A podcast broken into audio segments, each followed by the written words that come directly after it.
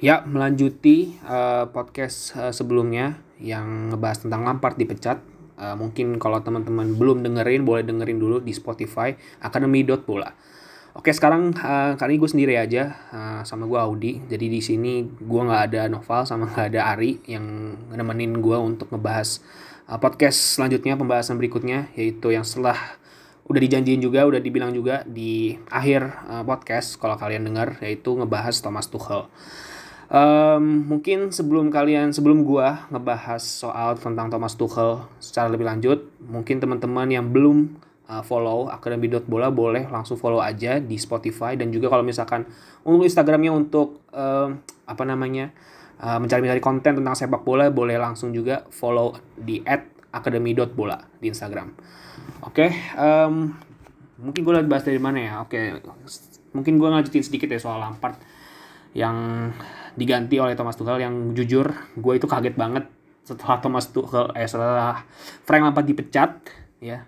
Itu Chelsea kayak cuma berapa jam doang itu langsung ngumumin pelatih baru buset itu cepet banget sih. Karena biasanya selama gue sebagai fans Chelsea ngelihat fenomena ini ya pelatih dipecat ganti lagi ganti lagi itu biasanya butuh waktu ya sehari lah. Tapi ini gila cepet banget gitu. Frank Lampard dipecat waktu gue inget banget itu waktu jam 6 sore Indonesia 5 sampai 6 sore lah waktu Indonesia Barat itu kan sekitar uh, di sana tuh berarti siang ya agak siang gitu.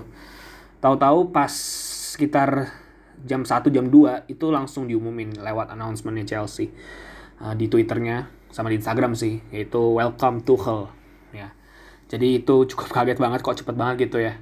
Dan langsung itu nggak pakai basa-basi lagi langsung Thomas Tuchel latihan kalau misalkan teman-teman uh, lihat di YouTube-nya itu ada tuh Thomas Tuchel first training uh, bersama uh, tim Chelsea. Ya itu malam-malam itu gue inget banget tuh nonton. Dan ya, mungkin daripada ngebahas yang lama-lama ya, jadi gue pengen jelasin nih tentang Thomas Tuchel nih. Mungkin bagi teman-teman nggak tahu siapa Thomas Tuchel, siapa dia, apakah dia itu adalah salah satu pelatih yang terbaik, mungkin gue akan bahas di podcast ini. Oke, mungkin um, dari teman-teman sekalian gitu ya. Mungkin nggak, mungkin kalau misalkan yang uh, tahu tentang sepak bola gitu ya misalkan dunia sepak bola mungkin dari dunia sisi kepelatihannya ya mungkin kalian mungkin tahu itu paling cuma ya Jurgen Klopp, Pep Guardiola, Jose Mourinho, Ancelotti, terus ada siapa lagi ya? Um, um, siapa lagi banyak sih sebenarnya yang benar-benar namanya udah established banget, karirnya udah lama banget gitu ya. Nah mungkin untuk Thomas Tuchel ini mungkin buat orang-orang yang baru gitu mungkin agak asing gitu. Uh, siapa dia ya. Oke mungkin gue jelasin dulu ya, ini agak Wikipedia sedikit ya. Dan ini podcast ini gue juga jelasinnya juga agak sedikit santai tak, dan tak berstruktur karena um, ya ini sebenarnya jujur aja ini agak dadakan gitu ya. Oke mungkin jadi gini, jadi Thomas Tuchel itu adalah pelatih Jerman ya dan dia juga uh, mantan pemain sepak bola ya. Jadi dia itu orang Jerman lahir di uh, Krumbach di Jerman Barat pada masa itu ya, tanggal 29 Agustus tahun 1973. Yang pastinya sekarang dia uh, menjabat sebagai head coach di tim Premier League asal kota asal kota London yaitu Chelsea. Ya. Dan dari karirnya dia sebagai kepelatihannya, gue langsung skip ke pelatihannya aja ya, soalnya emang lebih uh, emang nih orang nih sebenarnya highlightnya emang lebih di di sisi apa ya dari karirnya sebagai pelatih lah bukan sebagai pemain gitu. Karena dia sebagai pemain pun kalau gue bilang sih gue juga nggak tahu tuh apakah Thomas Tuchel itu dulunya pemain bola atau enggak katanya sih kalau misalkan gue baca-baca internet dia itu dulu toh apa pemain bola iya. Cuman pas usia 25 tahun dia tuh pensiun. Kalau nggak salah tuh karena dia cedera. Cedera yang berkepanjangan sama ceritanya hampir sama lah kayak Julian Nagelsmann. Jadi cedera cedera yang ngebuat dia itu gak bisa revive lagi ngebalikin karirnya untuk menjadi sepak bola. Dan akhirnya dia memutuskan untuk uh, ya ke dunia kepelatihan gitu gitu. Jadi Thomas Tuchel itu memulai karir kepelatihannya itu mungkin dari orang-orang kalau misalkan tahu dia yang misalkan udah ngikutin dia dari Dortmund misalkan mungkin dari bilang mungkin orang-orang um, ngiranya dia itu dari Mainz seperti Jurgen Klopp. Jurgen Klopp itu kan juga dari Mainz juga ya uh, sebelum dia di Dortmund terus ke Liverpool. Uh, dia ini sebelumnya ternyata itu dari FC Augsburg 2 ini kayak mungkin kayak semacam kalau gue cek ini dia tuh kayak reserve team um, jadi tim kayak ibaratnya kalau misalnya Barcelona ada Barcelona A, Barcelona biasa sama Barcelona B, ya ini juga nih FC Augsburg. Jadi ada Augsburg yang di Bundesliga sama Augsburg 2 ini jadi kayak reserve timnya lah yang isinya tuh pemain-pemain muda semua lah gitu. Jadi dia memulai karirnya pelatihannya di situ ya. Um, dan dia itu cuma setahun doang dari tahun 2007 sampai 2008. Terus abis itu uh, tahun depan ya yaitu 2009. Nah, ini mulai-mulai ini karirnya dia yang hampir sama kayak Jurgen Klopp. Itu di Mainz 05 itu dari tahun 2009 sampai 2014. Terus uh, mungkin terkenalnya dia, namanya dia itu sedikit apa ya naik itu pada saat dia ngelatih Borussia Dortmund gantiin Jurgen Klopp pas Jurgen Klopp itu resign dari Liverpool tahun 2015 dan dia menggantikan Jurgen Klopp dan itu sayangnya cuma 2 tahun sih uh, di tahun 2015 sampai 2017 gitu. Terus setelah itu dia juga take a break juga sama kasusnya kayak dia di Augsburg. Jadi nggak jadi setelah dua, 2008 gitu nggak langsung latihan, eh nggak langsung latihan, nggak langsung ngelatih. Tapi dia juga um, ada take a break gitu. Jadi dia mulai karirnya dia lagi untuk sebagai pelatih di Paris Saint Germain. Itu bukan itu tahun 2018. Ya jadi gue singkat gue sih kalau lihat di uh, di twitternya dia juga dia setelah ngelatih Dortmund tuh kayak ngabisin setahunnya tuh untuk liburan gitu ya. Dan dia baru ngelatih lagi setahun berikut setahun kemudiannya di 2018 di Paris Saint Germain jadi itu dari tahun 2018 sampai 2020 Desember kemarin. Tanggal sekitar 25 atau 24 gitu. Ya Desember 2020 nah setelah itu baru nih Chelsea yang memulai karirnya lagi sebagai pelatih gitu ya. Dan itu cuma sebulan doang dari pemecatan dia di PSG PSG seperti itu ya. Oke mungkin gue juga bahas kali ya. Itu kan tadi kan cuma ya udahlah karir-karir kayak CV-nya dia lah uh, kepelatihannya dia karirnya dia sebagai pelatih sepak bola. Mungkin gue akan jelasin ya gimana ya ceritanya dia sebagai seorang pelatih gitu ya. Jadi gue bisa bilang si Thomas Tuchel ini di main ini tuh juga bisa dibilang ini karirnya dia ya kalau ngomongin karirnya dia ya yang gue baca-baca itu. Itu sangat progresif banget sih yang awalnya itu tim yang di juru kunci ya kalau misalkan teman-teman lihat ini misalkan di banyak lah di internet gitu ya. Salah satu prestasi terbaiknya dia di Mainz itu adalah dia ngebawa tim Mainz yang bisa dibilang nih mediocre average gitu ya. Itu mampu uh, finish di peringkat 7 which is itu Europa League gitu.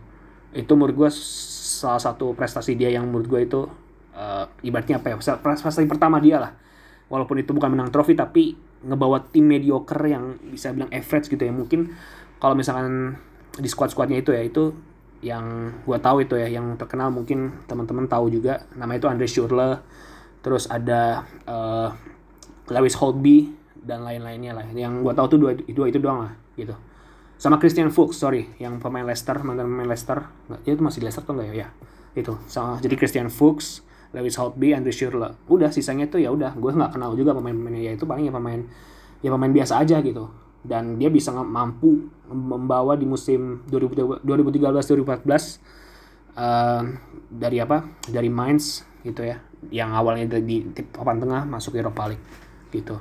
Dan dari situ uh, itulah mungkin kenapa Borussia Dortmund uh, nge-hire dia untuk menjadi suksesornya Jurgen Klopp ya di tahun um, 2014 juga gitu ya dari sorry dari 2015 ya di musim berikutnya gitu um, setelah dia udah ngabisin lima tahun di, di kalau menurut gue ngeliat karirnya dia ini ya dia ini ada take a break gitu ya jadi 2019 2009 sorry 2009 sampai 2014 itu ada take a break tuh 2014 sampai 2015 itu ada take a break mulai karirnya lagi dia sebagai pelatih 2015 sampai 2017 habis itu take a break lagi PSG 2018 2020. Nah di Chelsea ini unik dia nih, dia nggak ada take breaknya cuma satu bulan setelah pemecat pemecatan langsung dia ngelatih lagi gitu. Jadi ini belum bisa dibilang nih uh, karirnya dia agak bukan bukan kayak langsung gitu kayak Pep gitu ya. Kalau Pep kan misalkan tiga tahun di Barca langsung Bayern Munich, habis tiga tahun Bayern Munich langsung Manchester City gitu. Jadi nggak ada break breakan tuh. M mungkin cuma di Bayern Munich doang sorry. Jadi sebelum dia ke, Bar ke Bayern Munich tuh ada take break setahun. Tapi pas Bayern Munich ke Manchester City itu dia nggak ada break tuh. Nah, Thomas Tuchel nih semenjang karirnya dia dari Mainz sampai ke sampai Mainz ke PSG itu ada break setahun lah. Gitu. Gitu sih. Terus habis itu di Borussia Dortmund Oke, mungkin yang bikin nama dia itu menjelit di Borussia Dortmund ya. Karir dia di Borussia Dortmund. Um, salah satu yang gue impress sama uh, Thomas Tuchel itu di Borussia Dortmund itu yang gue inget banget dia itu dia tuh banyak banget ngebawain pemain-pemain yang bisa dibilang itu yang gue juga awalnya nggak tahu tapi dibikin bagus sama Thomas Tuchel dikeluarin potensinya terbaik sama Thomas Tuchel. Mungkin teman-teman udah tahu namanya seperti Pierre Emerick Aubameyang. Terus ada um, Shinji Kagawa, Hendrik Mkhitaryan bahkan ada pemain Chelsea yang sekarang kerjasama lagi yaitu Christian Pulisic. Terus ada juga Osmane Dembele, Mark Barta, Rafael Guerrero, Matt Hummels, Ilkay Gundogan. Itu mungkin Ilkay Gundogan sama Matt Hummels itu pengecualian ya. Tapi yang kayak Pulisic, Dembele itu kan pemain yang gue juga gak tahu awalnya siapa tapi dibuat dikeluarin potensinya sama uh, Tuchel. Waktu di Borussia Dortmund atau di musim pertama itu jadi salah satu pemain yang bisa dibilang pemain penting lah buat Borussia Dortmund gitu. Terus dia di prestasinya di Borussia Dortmund itu uh, di FB Pokal juara di FB Pokal dia uh, di dua musim itu juga runner up dua-duanya jadi nggak juara tetap juara tetap Bayern Munich uh, tapi yang paling impresi dia tuh pas uh, musim pertama dia 2015-2016 itu dia um, finish peringkat berapa ya? Pokoknya dia tuh bedanya dikit bedanya tuh cuma berapa poin doang lah gitu. Nggak kayak musim berikutnya itu benar-benar agak sedikit anjlok tapi masih peringkat dua gitu. Jadi itu kira-kira karyanya Thomas Tuchel di itu. Kalau menurut gue sih yang paling highlightnya dia itu adalah uh, dia kalau bahasa Inggrisnya itu ya he he could get best out of every player that he have that he has sorry. Ya jadi kayak misalkan aja itu Pulisic Kagawa Mkhitaryan uh, siapa lagi? Aubameyang terus Ousmane Dembele. Keluarin potensinya dan ya menjadi pemain penting buat Borussia Dortmund selama dua musim bersama Thomas Tuchel. Uh, habis itu ya menangin di FB Pokal gitu. Terus itu. Terus PSG, nah, ini PSG ini masih hangat nih dan PSG ini um, gue ingat banget gitu ya. Gue sebenarnya gini PSG waktu pas nge-hire dia pun juga gue kagetnya cuma 2 tahun doang ya, gue kira cuma tiga tahun. Dan itu gue gantiin Unai Emery dan gue sih juga kaget ya kenapa Unai Emery diganti ya padahal Unai Emery waktu itu sih ya not bad juga sih ya. Tapi mungkin gue tahu kenapa Paris Saint Germain ini milih Thomas Tuchel mungkin dari sisi tactical he's better than Unai Emery mungkin sih gitu um, soal oke nih soal mungkin soal singkat aja kali ya. Soal prestasi dia sih ya udah biasa. Ligue 1 juara ya kan? Terus piala-piala domestik. Ligue 1 lah dua kali lah tuh. Sama yang menurut gue yang paling buat gue sih domestiknya tuh ya udahlah PSG ya udahlah gitu. Kasarnya itu auto win lah buat gue. Tapi kalau menurut gue yang paling menurut gue tuh karirnya itu apa uh, bisa dibilang tuh beda gitu ya. Yang bikin dia beda itu yaitu ngebawain PSG pertama kali dalam sejarahnya masuk final Liga Champions waktu musim lalu. Tapi sayangnya kalah. Uh, akhirnya cuma runner up doang, nah, ya kan. Dan kalahnya sih nggak terlalu memalukan ya, soalnya kan waktu itu lawannya Bayern Munich. Uh, kalahnya 1-0 dan gue nonton tuh pertandingan. Dan gue ngeliat si PSG sebenarnya sih nggak jelek-jelek banget ya. Uh, maksudnya itu pertandingan itu imbang banget gitu, sama-sama kuat gitu, sama-sama pengen pengen menang gitu, gitu, sama-sama pengen keluar, sama-sama pengen nyerang gitu.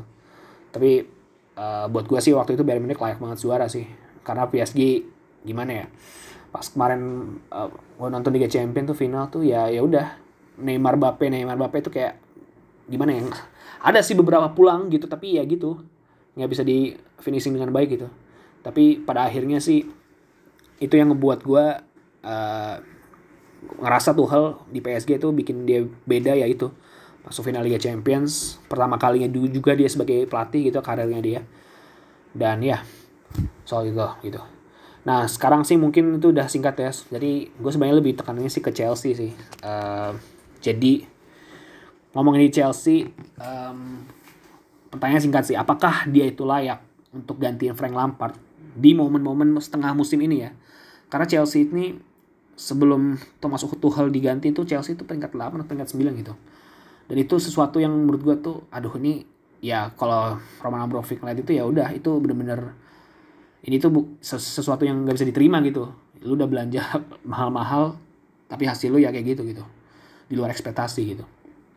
Dan menurut gua kalau misalnya menurut pendapat gua ya apakah Chelsea ngegantiin Tuchel nggak apa maksudnya ngegantiin Lampard ya tuh Chelsea ngegantiin Lampard jadiin Thomas Tuchel itu menurut gua sesuatu keputusan yang apa ya bisa dibilang itu bulat dan juga ini apa namanya um, dan berani sih buat gue gitu.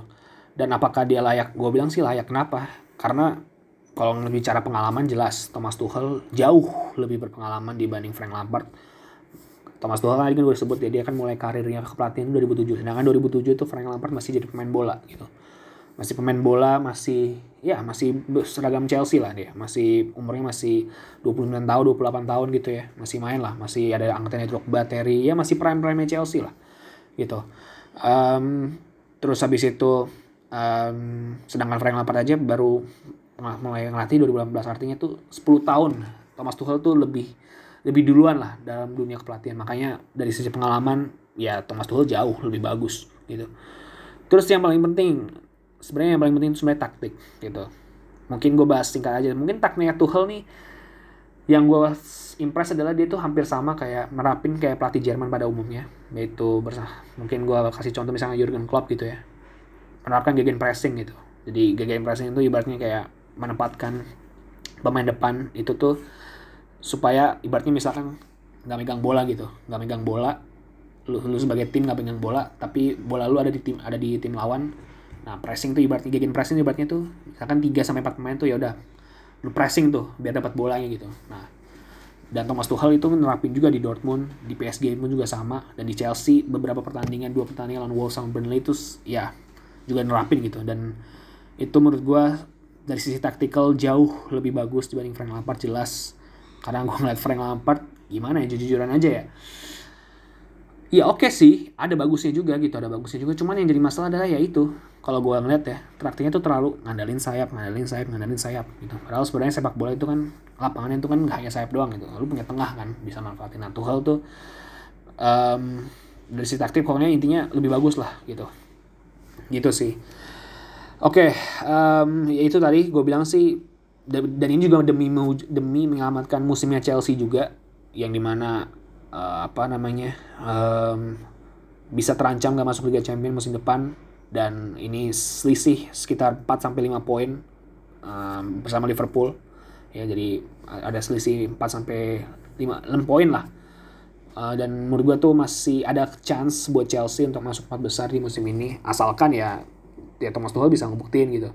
Karena buat gue sih dan Thomas Tuchel pun juga udah bilang di press conference-nya bahwa ya apa target realistisnya ya masuk Liga Champions gitu. Masuk empat besar gitu. Dan gitu sih. Um, mungkin selanjutnya sih gue pengen ngebahas soal ini ya. Um, apakah dia ini benar-benar bisa menyelamatkan Chelsea? Mungkin gue langsung end aja gitu ya karena ini sebenarnya uh, bentar aja gitu ya. Apakah apakah dia itu menurut menurut, kalian gitu bisa nggak sih nyelamatin Chelsea di musim ini kalau gue bilang sih tergantung ya. Pertama tergantung seberapa dia seberapa dia bisa konsisten gitu ya. Dalam artian kayak um, dalam menerapkan taktiknya dia misalkan selama pertandingan terus juga pemain-pemainnya seberapa nurut gitu ya uh, terhadap taktiknya Thomas Tuchel. Uh, tapi pada akhirnya sih gue bilang sih ya ini keputusan yang tepat juga gitu ya. Karena gimana ya pemain Chelsea tuh bagus-bagus semua dan buat gue kalau pemain bagus harusnya sih otomatis pelatih lu juga bagus gitu. Dan Thomas Tuchel menurut gue mendefinisikan itu. Dia pelatih bagus ya. Berpengalaman juga dan ya dia cukup taktikal lah dalam uh, segi apa pengetahuan sepak bolanya dia.